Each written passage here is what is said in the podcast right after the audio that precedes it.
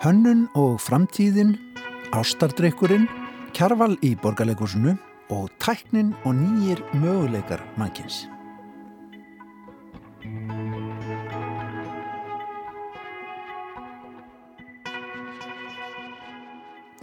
Í Víðsjá í dag ætlum að ræða um hönnun, sjálfbærtni, framtíðina, stjórnkerfið og langtíma hugsun. Tilefnið er greinaflokkur sem að finna má á heimasíðu hönnunarmiðstöðar, greinar sem að byrtust í prentmiðlum núna fyrir kostningarnar.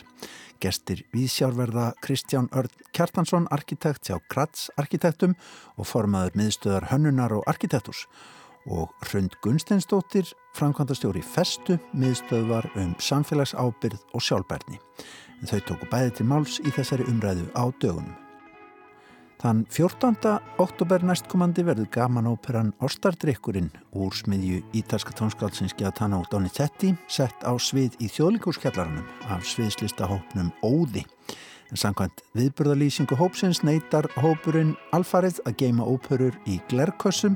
Þau vilja miklu fyrir að taka þær upp, hrista þær kannski aðeins til og ríkið af þeim, leika sér að þeim, pota í óskrifaða reglur, skemta sér og öðrum.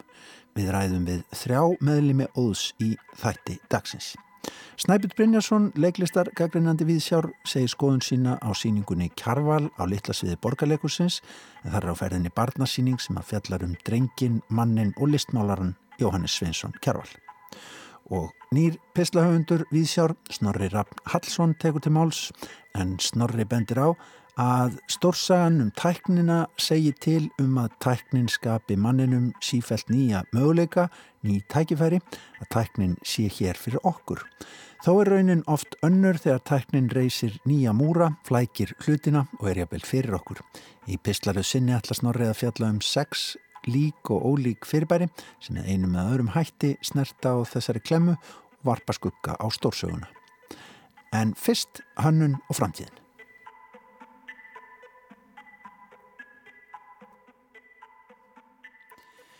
Í sumar fór fram eiginlega stefnumót hönnuð á arkitekta.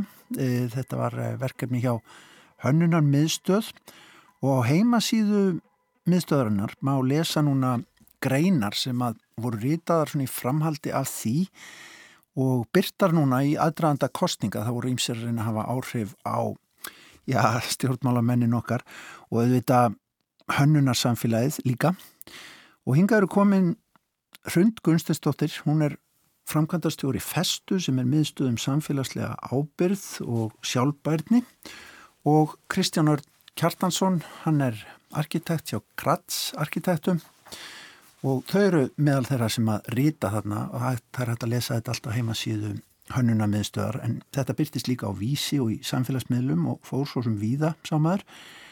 E, velkomin bæðið tvö. Takk fyrir. Takk. Takk. Hrund, ef ef ég spyr þig fyrst, uh, þú varst kannski í þinni greina en sem bara benda fólki á þá staðrind sem að gleymist kannski stundum að ekkert af þessu sem við erum með kringum okkur er ekki hanna. Akkurat, ég held að við gleymið í stundum að allt manngjert er útpælt á hannað. Þannig að við, ég var sérst í greininu svolítið bara að benda á það og, og svo getum við að tala um hönnunafyrirtæki svona sérstaklega sem eru líka í flottum umgangi og út um allt en í rauninni bara svona átt okkur á því að allir ferlar, alla leiðir sem við ferum á matnana, þú veist, þú keirir eitthvað að hjóla, þú veist, bara autopilot mm -hmm. það er fullt af fólki búin að setja ógíslega lengi á pæla -hmm. ekki bara hvernig það á líti út og hvernig það á vikslast og renna saman, heldur bara hvað efnir í þessu svona mm. og allar þessa pælingar eru núna bara á borðinu hjá okkur og eru einhvern veginn svona efni við fyrir okkur til þess að endurskoða og endurhugsa vegna þess að við erum búin að einhverju leiti skapa innviði og samfélag og ferla sem eru ekki sjálfbærir. Það er að segja að þau hafa eidilegjandi áhrif á samfélagið náttúru. Það liggur ljóst fyrir skrifari hérna, við þurfum að hanna heiminu på nýtt. Já. Mm, það er bara hannig. Já, sem er rosalega spennandi verkefni. Já, það verður að vera spennandi verkefni, eða ekki? Já, og mjög svo flott eins og hjá Kristjánan að tala um, þú veist, að, að vinna, þú veist, þverfarlega, þvert á og skoða hlutin í stóru mm. samíki og hugsa til lengri tíma og, og ég held að í rauninni fólk bara tekur sér mómentir sem hafa ekki pælt í því og hugsaða bara aðeins að þá, þá er þetta borlegjandi mm -hmm. og þá er líka rosa mikilvægt að fara í stemninguna að þetta er spennandi verkefni af því að við höfum hugvit og skapandi hugsun og getur til þess að takast á þetta. Mm. Kristján, þú kallaði þína grein sem byrtist á vísi og heimasíðinni eh, framtíðar ráðanetti. Já. Það er verið að hérna, útdeila ráðanettum og pæla þau í, upp á nýtt núna eh, bara á meðan við erum að tala saman. En mm. hvað hva áttu við með framtíðar ráðanetti? Ég þá er hérna bara við uh, ráðanetti sem að ég mitt tekur á þessum málum eins og hundir að nefna. Út af því ég til að við stöndum á okkur tímamótum núna, mm. vendi punktur í samfélaginu og þá er ég mitt bara að velta upp hugmyndinni að það sé þá eitt ráðunitið sem að vinni þá þvert á öll hín ráðunitin sem til þess að vinna með uh, sko sjálfbara hönnun uh, framtíða sín fyrir landið Já. Horfi langt til framtíðar mm -hmm. þannig að við gerum þetta núna á þessum á þessum tímóti sem við stöndum á bara hvað var að lofslagsmál og við erum að koma út úr COVID og það er alls konar samfélagsbreytingar sem fylgja því og, og, og þá er bara þessi hugmynd sem komum fram á þessar stefnumótun hjá hönnamistöð mm. og hann að, að það væri þörfu á slíkur ráðaniti og, og svo er ég, ég mitt bara að benda á það hana, á þann mannuð sem við eigum í hönnuðum Já. Því að þeirra nám byggist einmitt upp á svolítið öðruð sér átteldur nám hana, í öðrum fögum og það er þessi hönnuna hugsun sem bara byggist alltaf á því að rannsaka samfélagið og, og framtíðina og mm -hmm. hvernig megi bæta og gera betur og, og, og fólk sem hefur verið að menta sig í þessum fögum, hönnun og arkitektur og skipilsæðið síðustu sko 15, ég myndi næstu því þóra að segja 20 ár, mm -hmm. Hafa einmitt verið að fast við rannsókn á þessum viðfóðsögnum í gegnum árin. Það eru allir að hugsa um þetta. Nákvæmlega sjálf, og, og núna finnst mér verið að koma tími að, að ekki bara uh, við og, og stjórnmálafólki og, og stjórnsíslan öll sjáu að þetta, þessi þörf og leggja áherslu á þetta heldur líka bara samfélagi heilsinni og þá viljum við bara benda á það mannið sem við teljum bara mjög þart að sé tekin inn í þessa vinnu og vinni með öllum öðrum fögum, þvert á öll fög. Og þess vegna framtíðar ráðandi sé ráðandi sem vinni að nýsköpun, hugverki, hönnun uh, þvert á öll hín ráðanætin. En nú er það vestur anskotin að við byggjum hérna líðræðið upp á fjár ára kjörtífambilum og við erum einmitt svona þjóð, hvað ég segja, kipsins, við tökum, við tökum kip Já. og við tökum hérna að loðnuvertið núna, þá fara allir út að sjó og veiða hana. Um, það var, sáum þetta til dæmis í kringum fjölkunna í ferðamannaðinanum að bara einviðinni voru ekki tilbúinir Já. sko, er, er þetta ekki bara landlægt hrund? Er þetta ekki eitthvað sem við er bara í okkar eðli að, en auðvitað er þetta kannski endur skoða eðli bara ekki spurning, ekki spurning þetta er, þetta er alveg mjög ríkt í okkur en þetta er líka ríkt í líðræðisíkjum og þetta er pínur svona akkilesar hætt líðræðisins að hugsa 34 ár fram í tíman að því að þörfin fyrir að hugsa lengra fram í tíman er svo rík og ég held að þetta sé búið að blasa við svo langa tíma við þurfum eiginlega bara svolítið snappa ára við veist, og, og reyna að búa okkur til einhvers konar rými til þess að hugsa lengra fram í tíman mm -hmm. ég til dæmis fjallaði þess um það í byrjun síðasta ás að COVID-faraldurinn var fyrir sjáanlegur og hann var það því það var búið að gera rannsóknir ekki á skýslur og við var hann á bara mjög svona high level stöðum sem að segja. -hmm. en spurningin er þess að fyrir okkur hérna heima. Veist, við erum svo lítil, við erum svo fámenn þjóð og við erum í tiltala stórt hagkerfi og við erum fá að sjá um þróa hagkerfi og það er ákveðin áskorun. Þannig ég held að það sé bara svona raunsætt mat á það við þurfum líka bara að endur skoða hlutina út af því.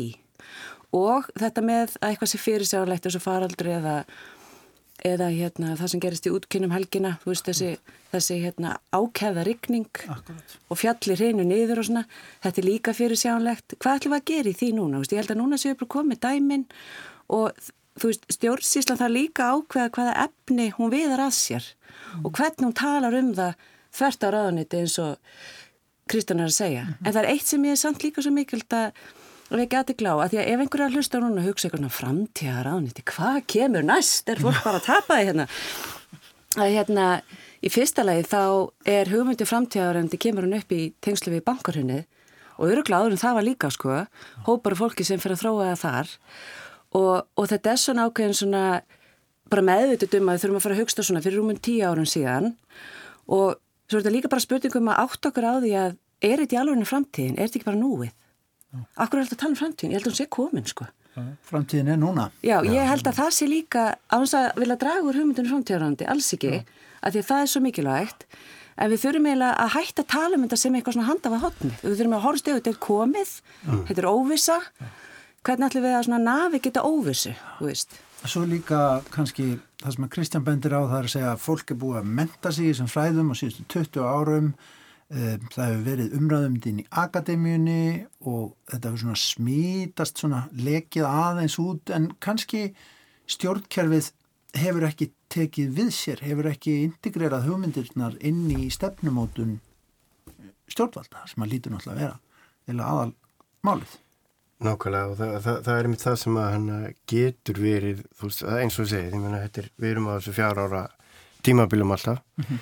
En það er einmitt þess að veist, uh, þessi hugmynd varandi framtíðarandi með eitthvað sem horfir til framtíðar mm. og, og, og móti stefnu til lengri tíma horfi ákvörða á það hvernig hægt er að takast á við heimsvaraldur, mm. hvernig hægt er að takast á við innviða breytingar sem þurfa að gerast Þetta er bara ráðuniti sem þarf að takast á við stóru vandamáli í samfélaginu og, og hugsa til lengri framtíðar og hana skali og, já, og, og það að nefna það okkur núna í, og taka svolítið stert á því er vegna eins og ég segi þess að vendipunkt sem við erum á í loftasmálun sem er ekkit framtíðin, þau eru bara hér núna. Uh, orkurskiptin það, það er líka bara eitthvað sem er hérna og núna. Mm -hmm. innviðinir er eitthvað sem við hefum átt að taka á kannski fyrir tíu árum betur til þess að geta tekið við ferðamönnunum eða fimm árum. En þannig að allt þetta veist, þarf að takast á við og svo líka bara eins og hrund talaði mér sinni að allt er uh, hannað. Og í borgum og skipulags yfirvöld hér hafa unnið mjög lengi og öðvöld af því að, að búa til betri líðhelsu og þetta snýr alltaf því að búa til betri hönnun á, á okkar borgara og bæjar umhverfi hugsa um, um, um umhverfið fyrir utanborgina, náttúrunum, grænusvæðinin og milli, allt niður í íbúðina sjálfar, föttin, hlutina sem við erum að nota.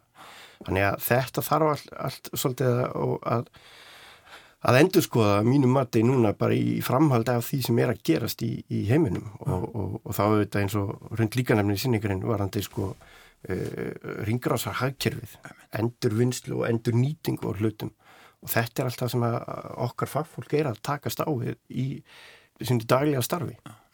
Má ég aðskjóta inn í þetta ja. eitt, þú veist að, að þú veist ég svo, tek svo undir þetta allt og, og líka svona við áttum okkur á því að það sem að framtíðar ániti þarf að takast á við er þetta alþjóðlega samhengi. Mm -hmm. Veist, við erum ekki deiland sko veist, og 8 gráði, þú veist, súrnum sjávar og, og breytingi hafinu kringum Ísland mér er alltaf svo hissa hvað við ræðum það lítið veist, heitast árið á, á hérna, frá því skráningar hófust á norðskutinu væri fyrra mm.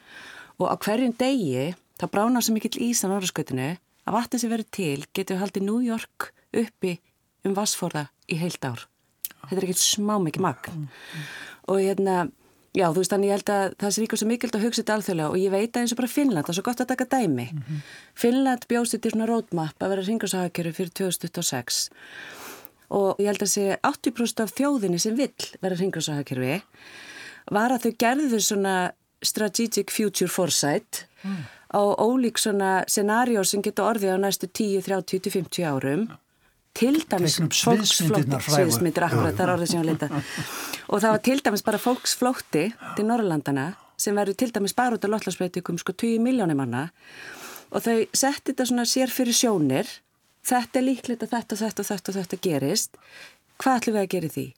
Og ef maður fyrir svona vandaða vinnu ekki bara giska hvað er að fara að gerast heldur mhm. virkilega að leggast í hana mm. og setur sér svo einhver markmið og, og kártlegur hvernig maður vil nálgast það þá er líka svo mikla líkur að eignarhaldi verið breytt og fólk skilur af hverju. Já, og það fyrir líka svo að þetta í gýrin að vera bara djúðlega spennandi? Nákvæmlega. En sko, af því að þú ert nú að skoða hrönd sko samfélagslega ábyrð og svona vilja til dæmis atvinnlífsins til þess að já, svona, setja í annan gýr skulum við segja. Svo eru kostningar og svo fórum menna tólka niðurstöðu kostningana eins og, eins og kert er. Og þá er satt greinlegt að við bara viljum ekki breytingar þetta heyrist mikið núna hvernig upplifið þið það? Það fyrir eftir í hvað breyting lútt að horfa á held ég. Já. En vilju okkar til þess að já, verða grætni hugsa til lengri tíma sína meiri samfélagslega ábyrð.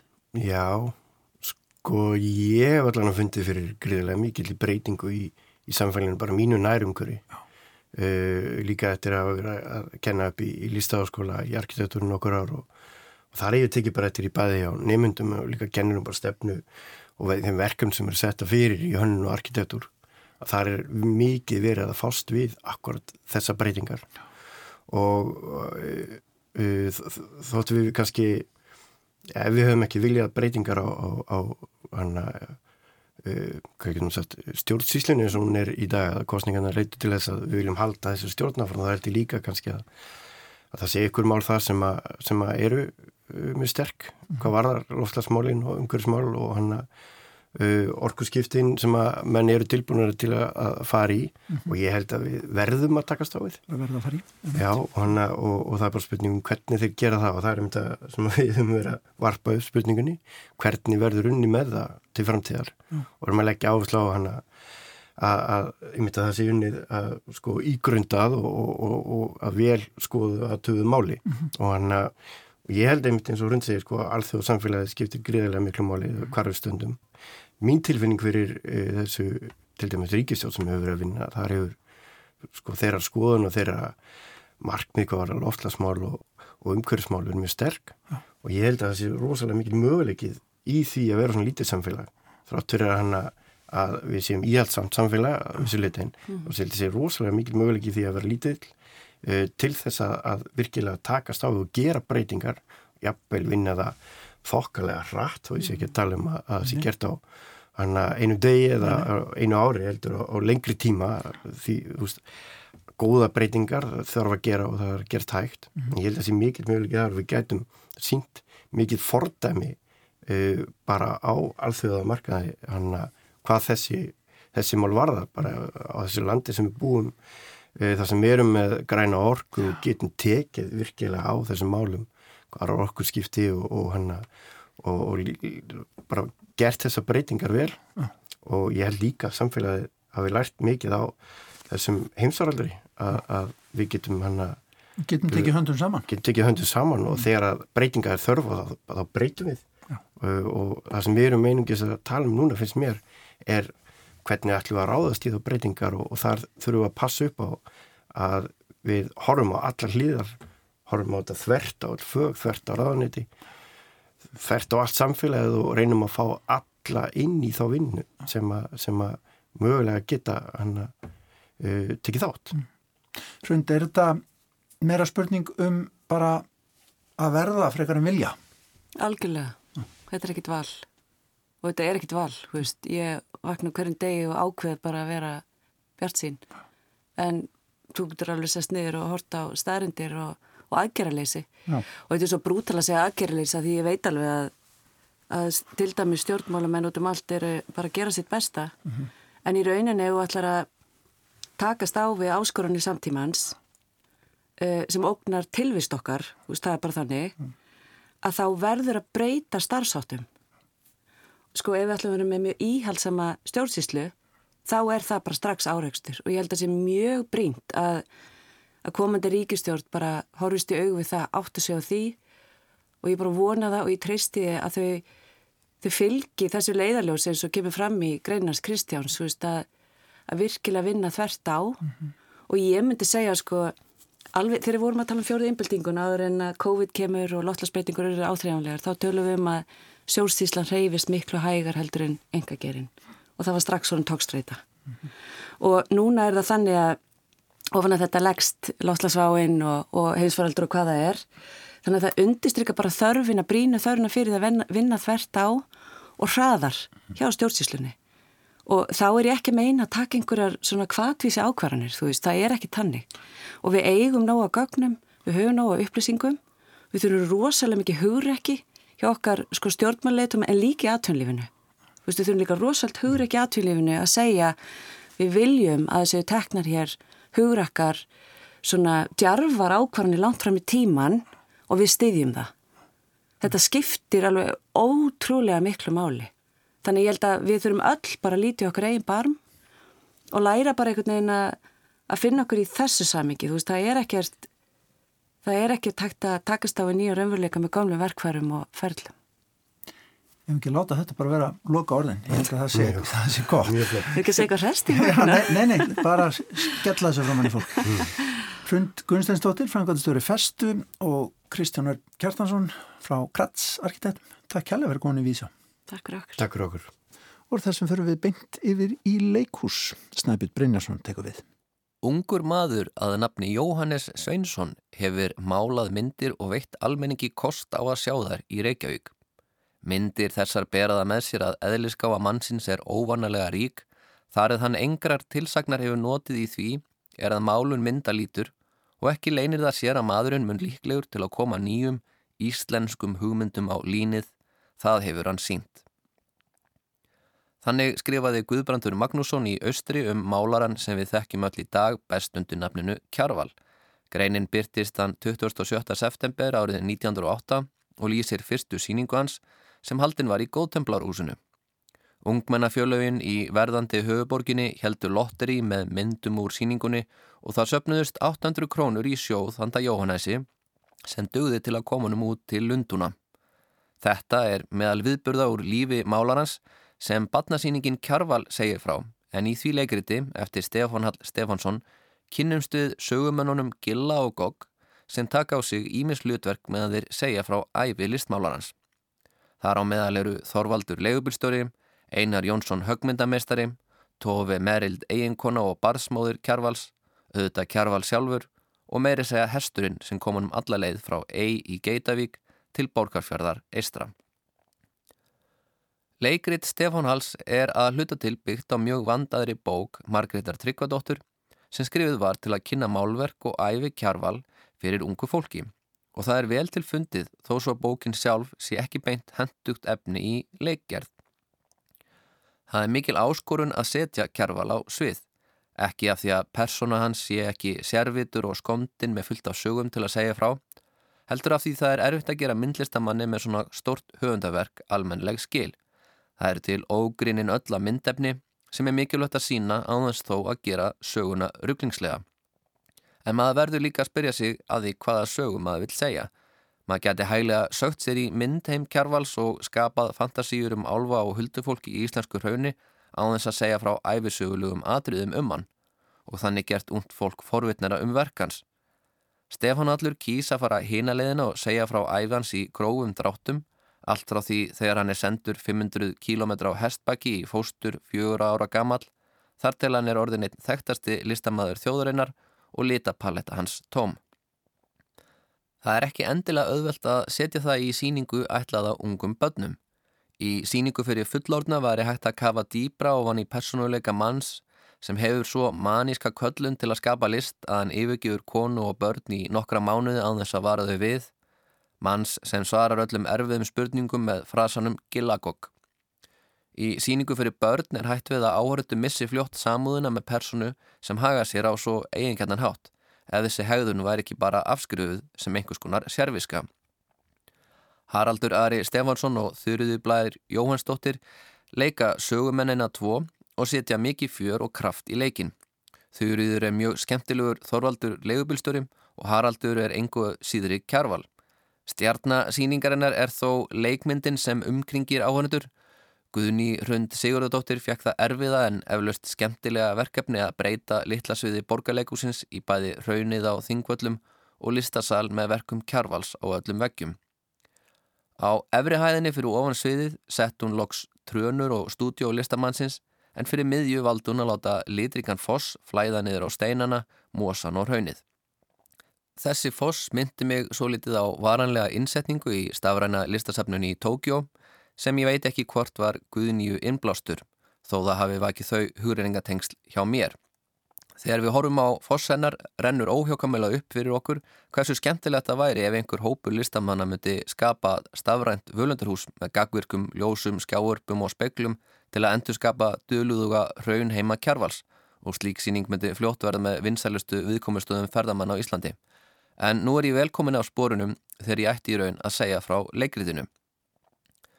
Gilli og Gogg segja frá mörgu sérkennilugu úr æfi málvarans, uppáttækjum eins og að bjóða hesti í kvöldmatt, að ég gefa konu og börn í tvo mánuði og að borða hangikjöt steikt upp úr sigri og smjöri, aðeins þó að fella einhverja gildi stóma.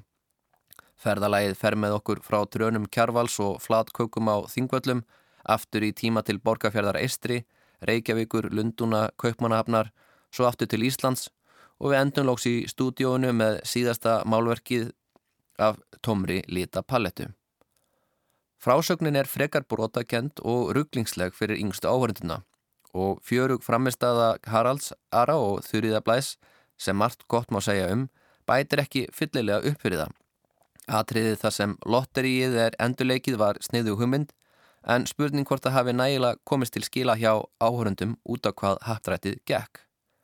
Megin skilabóð verksins eru þau að Jóhannes Kjærval var merkasti málar í Íslands. Hann var skrítin maður en að við þurfum skrítið fólk til að sjá heiminn á óvæntan hátt. Eins og Stefán bendir réttilega á þá hefur sennilega engin maður haft meiri áhrif á hvernig við sjáum Íslandst landslag. Markmið síningarinnar um að fræða og vekja áhuga ungs fólks á myndlist er göfugt en maður kemst þó ekki hjá því að hugsa með sér að það sé freka lítið innihald í síningunni.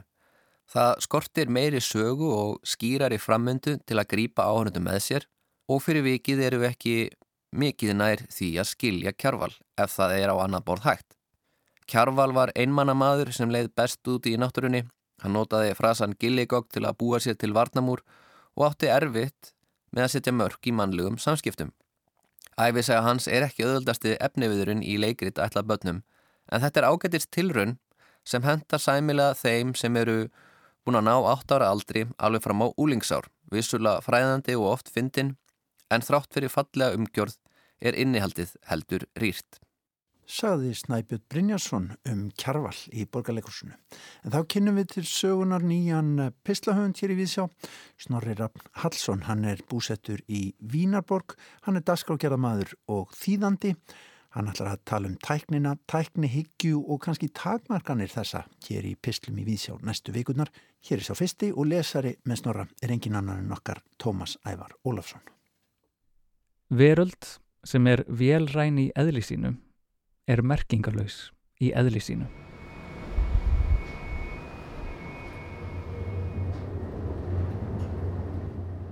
Þann 5. februar síðastliðin byrstist ljósmynd á Twitter sem vakti nokkra aðtegli.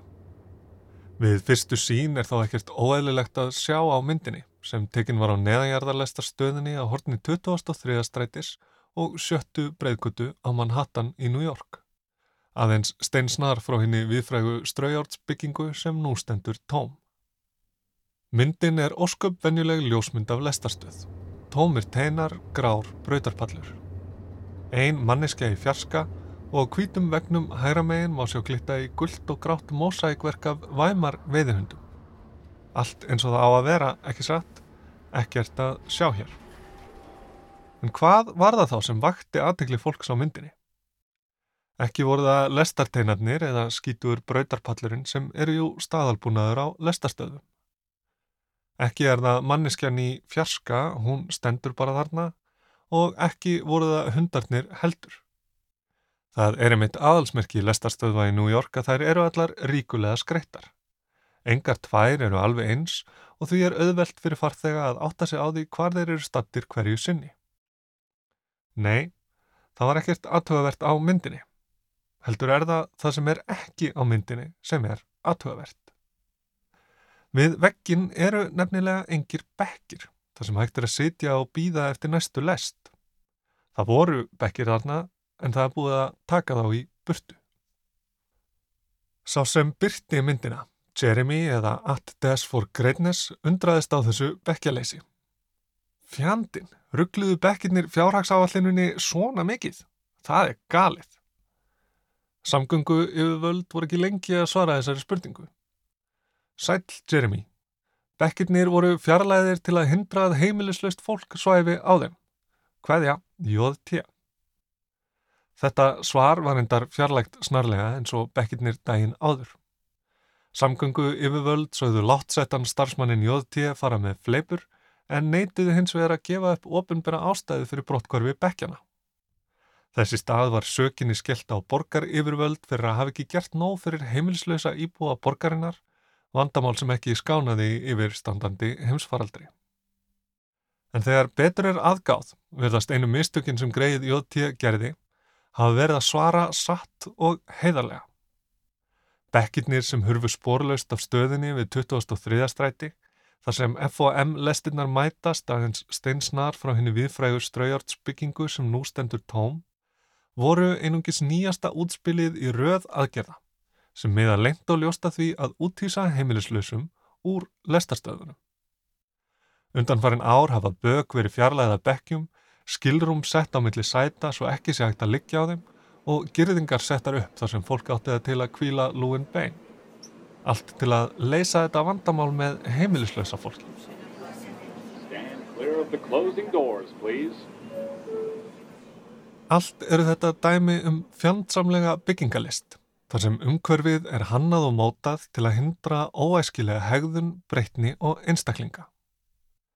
Er fólk á hjólabrettum þar sem við viljum ekki að það sé á hjólabrettum? Setjum upp grindur og stöyra og þá er lítið gaman að renna sér um á svæðinu. Málið leist. Hópast ungmenni saman þar sem við viljum ekki að þau hópist saman. Setjum upp tæki sem gefur frá sér hátíni hljóð sem einungis ungt fólk undir tvítugu heyrir og þá fara ungmennin bara eitthvað annað. Málið leist. Sefur fólk þar sem við viljum ekki að það sofi. Komum fyrir göttum og girðingum, útrýmum skúmaskotum og fjarlægjum bekki. Þetta virkar. Það sefur engin á bekk sem er ekki til.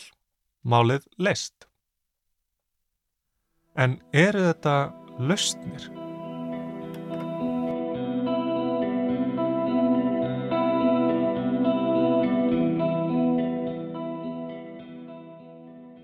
Fjandsamleg byggingalist enginnist að því sem stundum er kallað lausnahyggja. Hugsunarhætti sem skilgrinir vandamál út frá því hvaða lausnum er hægt að beita á sama tíma og hún hefur tröllatrú á því að öll vandamál megi leysa. Smá töfra duft getur rettað hverju sem er. Vandin er hins vegar að sá að lausnahyggjan er grunn. Hún sér hlutina sem þrautir sem hægt er að finna lausn á, fremur enn sem fyrirbæri sem þarf að ígrunda og takast ávið, jáfnvel þó þau verði aldrei leist í eitt skipti fyrir öll. Ef við höldum okkur við bekkina þá er lausnahyggjan blind kakvart þeim samfélagslegu og persónulegu þáttum sem skapa heimilisleysi. Vandin verður sá að fólk hefst við þar sem nærverð þeirra er ekki velkomin. Það má hæglega leysa. Vandamálið er ekki að fólk eigi ekki þak yfir höfuðið, hafi ekki í neinn örukús að venda. Það er erfitt að leysa. Og það sem ekki er hægt að leysa er ekki vandamál. Að þessu leiti er lausnahyggjan svolítið eins og vísindahyggjan sem í sinni þrengstu mynd heldur því fram að náttúruvísindin séu eina uppspretta þekkingar, réttlætinga, raugréttra skoðana, sannenda. Til að öðlast þekkingu á einhverju þarf að vera mögulegt að mæla það og umrita í tölur og gögn. Það sem ekki er hægt að tjá í tölum er ekki þekking. Þegar við lítum í kringum okkur sjáum við lausnir út um allt, en lausnahyggja 20. og 1. aldarinnar er auðvitað með tæknilegum snúningi. Tæknin er jú töfraduft nútímans og lausnahyggjan hefur lagt undir sig kísildalinn. Þar leggja hugbúnaða verkfræðingar, tæknifrömmiður og frumkvölar allt kapp á að búa til nýjustu, bestu og flottustu tækni lausninnar. Ekkert vandamál er svo smátt eða svo stórt að ekki sé hægt að tækna sig gegnum það. Því munið að ef það er ekki hægt að leysa það, þá er það ekki vandamál. Rítuhundurinn Evgeni Morozov gerir þetta að umfjöldunar efni sínu í bókinni til að bjarga öllu smellið hér. En þar skilgrinir hann tæknilegsna hyggju sem þá hugmynd að með réttum kóðum, algoritmum og velmennum geti tæknin leist öll vandamál mannkinsins, strömlínulaga lífið og útrýmt öllu vesinni og það þarf ekki að leita lengi til að sjá hvernig þessi hugmynd byrtist okkur. Lausnahyggjan kristallast í hugmyndinni um heið mælanlega sjálf sem gengur út á að gera okkur öll hilbreyðari, hamingjusamari, afkastameiri og skilvirkari með því að þýða tilvistina yfir á tungumál tölvunar og beita reiknireglum á gögnin til að besta lífið. Heilsu, armböndin, skjáttíma mælarnir, skrefateljararnir og hugleðslu öppin falla öll undir þennan hatt og stefna að sama markmiði með sömu gölluðu aðferðinni. Markmiðið er göfugt. Hver vill ekki búa í betri heimi? Lifa lengur? Gera meira og hafa það betra? Af hverju ættum maður ekki að nýta öll þau tæki og tól sem við búum yfir til að öðlast betra líf? Láta úrið mæla svefnin til að bæta rútinuna, fá áminningum að standa upp frá skjánum og hugleiða í 15 mínútur og fá klapp á bakið þegar skrefin eru orðin 10.000, vasklösin 8 og hitaeiningarnar og kaffibotlarnir undir settu takmarki. Hvað er svona gallað við það?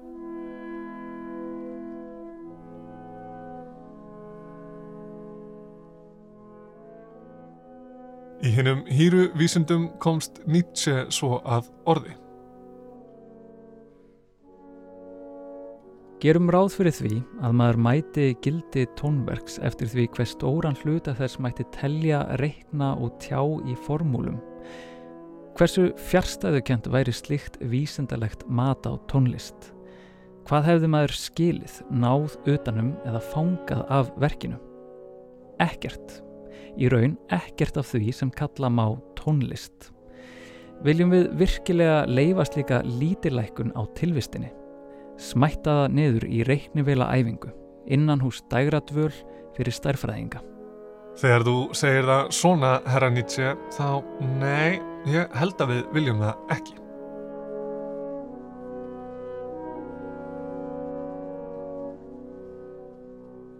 Þegar við tilengum okkur tæki og tól lausnahygjunar erfum við hugsunarhátt hennar um leið.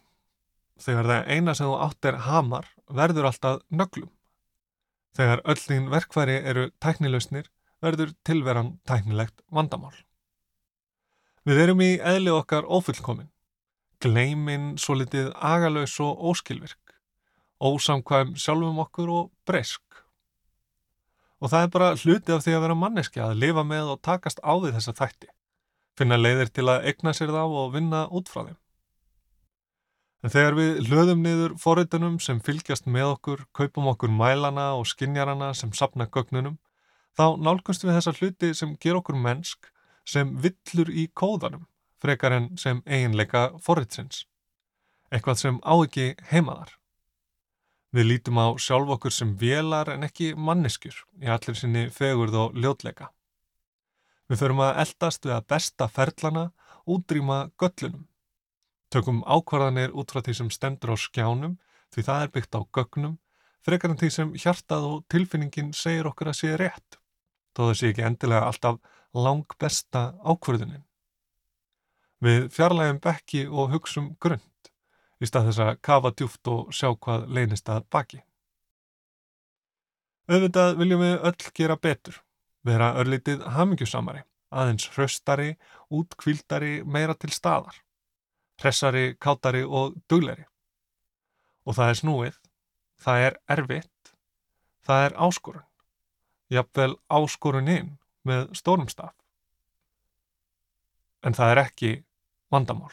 Better, happier, more productive, comfortable, not drinking too much, regular exercise at the gym, three days a week, getting on better with your associate employee contemporaries, at ease. Eating well, no more microwave dinners and saturated fats.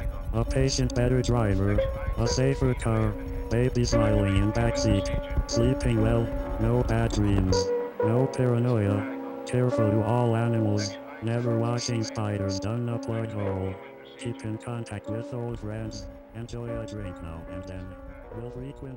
Nokkri tónar hér frá hljómsveitinni Radiohead en kynleir tónar af plötunni OK Computer og eftir pistli Snorraraps Hallssonar.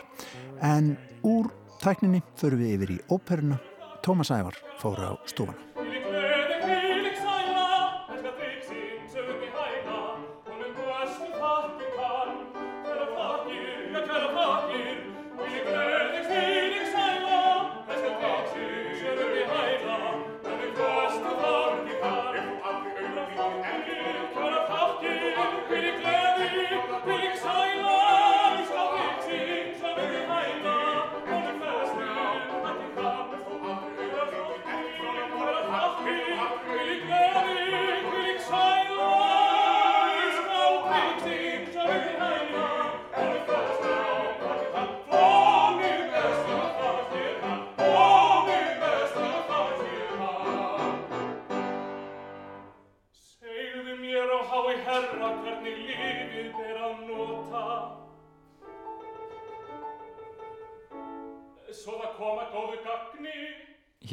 Nokkrar sönglínur úr óperinu Ástardrykkurinn sem sviðsleista hópurinn Óður er að setja upp í þjóðleikúskjallaranum en samkvæmt viðbúra lýsingu neytar sviðslista hópurinn Óður að geima óperur í glerkössum og vilja að þau miklu frekar taka þær upp, hrista af þeim rikið og leika sér að þeim, pota í óskrifaðar reglur, skemta sér og öðrum.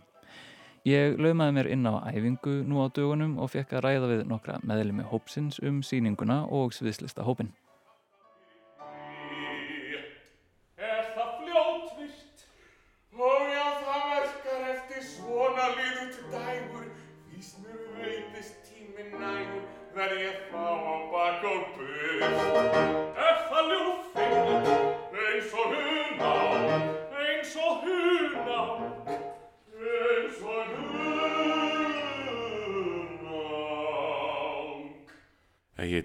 Ragnar Pétur Jóhansson og ég leik Dúlka Mara sem er uh, uh, söguhetjan, nei tjó.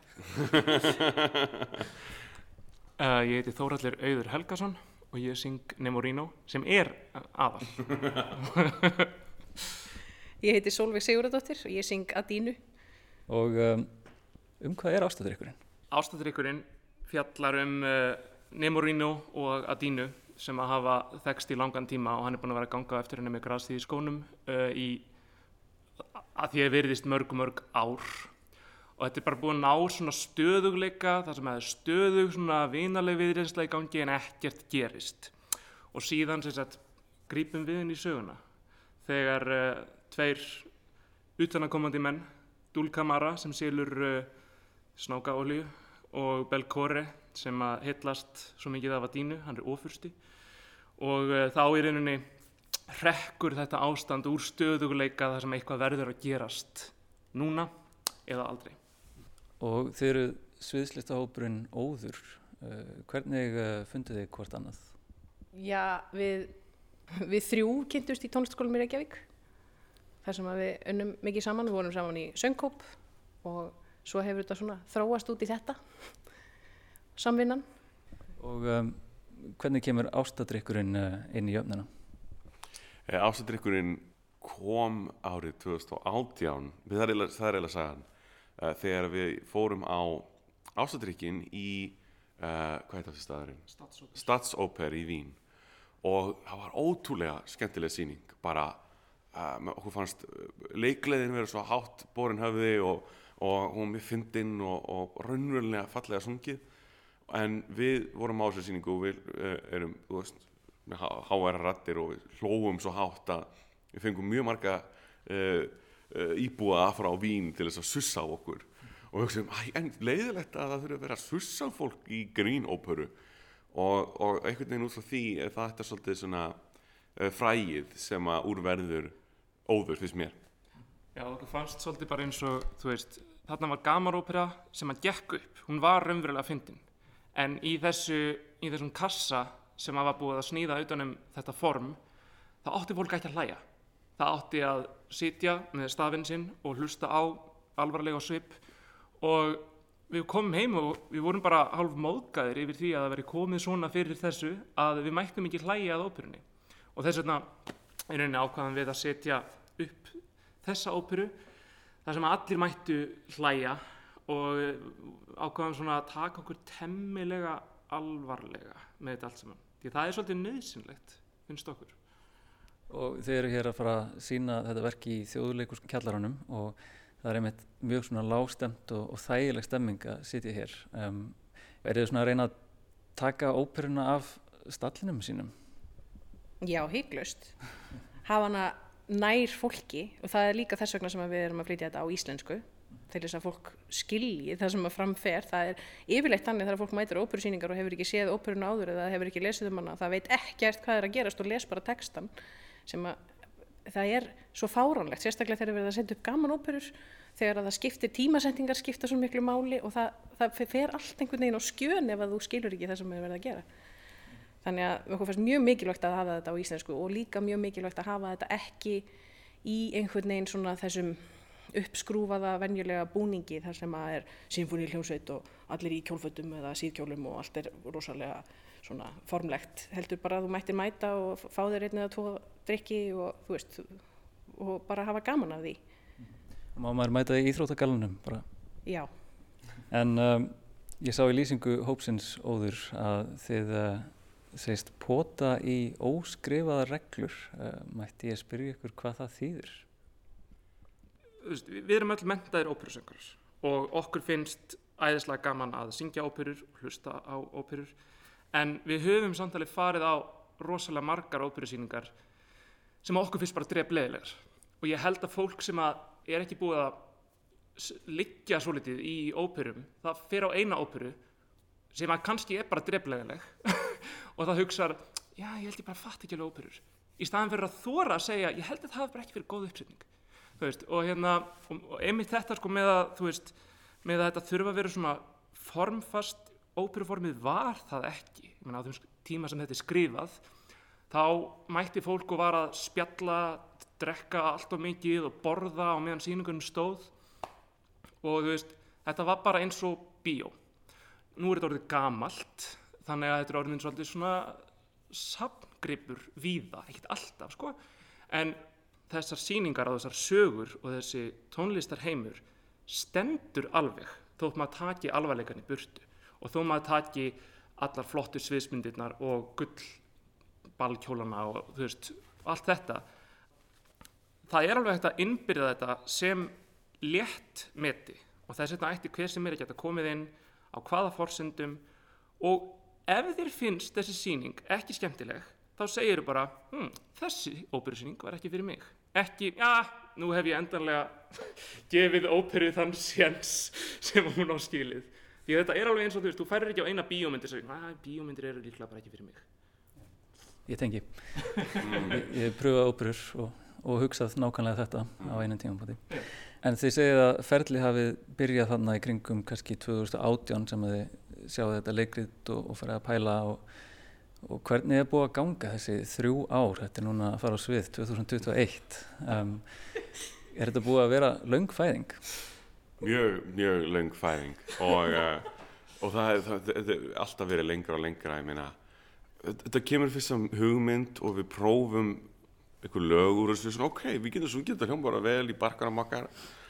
Og uh, svo ákveðum við bara að heyri í fólki eins og Jón Svavar. Og, um, og svona sjá hvort hann vildi taka belkóari hlutverkið og hugmyndin var rosa fljótt svona, ok, hvað er við bara stuttum þetta aðeins, tökum út svona fytuna, allan að það sem við viljum og það sem við viljum hafa.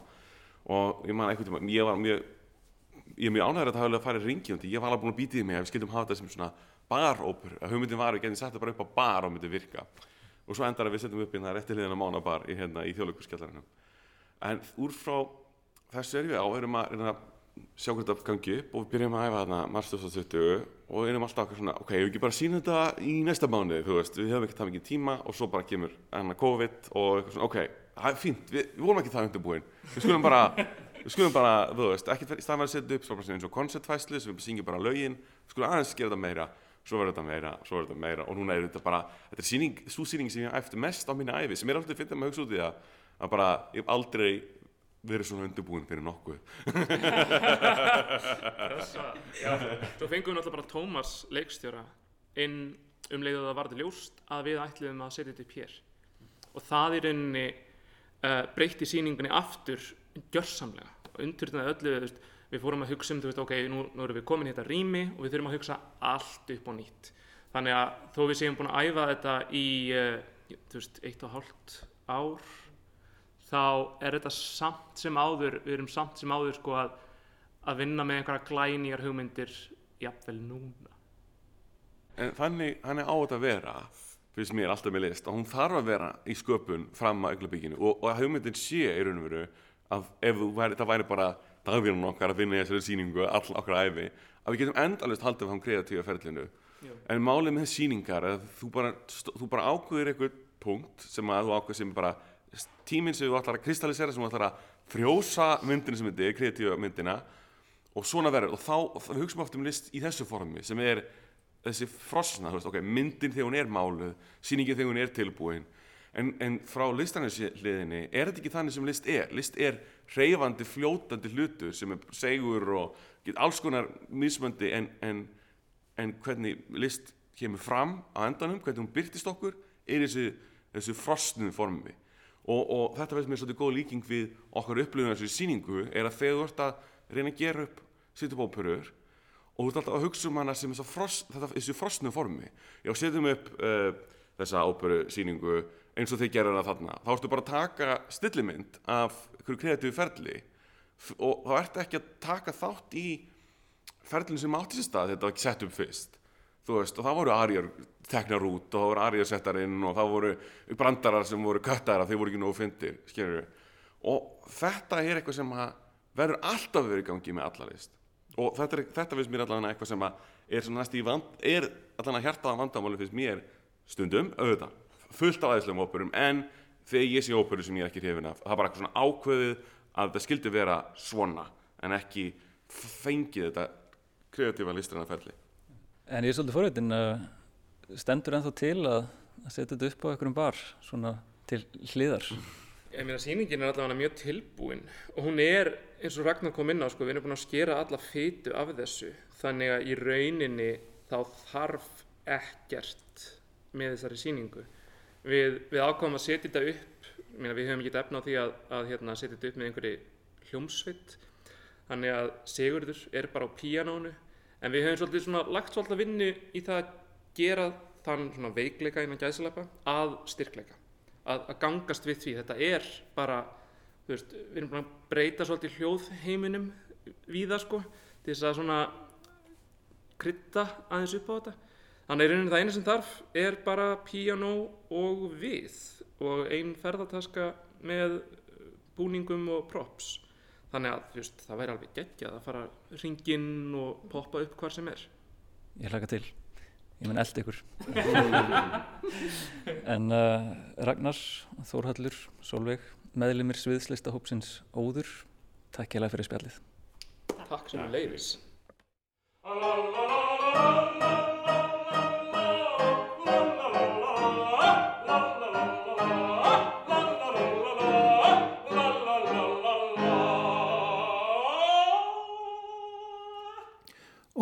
æfingu á ástardryknum hjá sviðslistahopnum Óði ljúkum við við sjá í dag ágættur hlustendur. Takk fyrir samfélgina, verið sæl.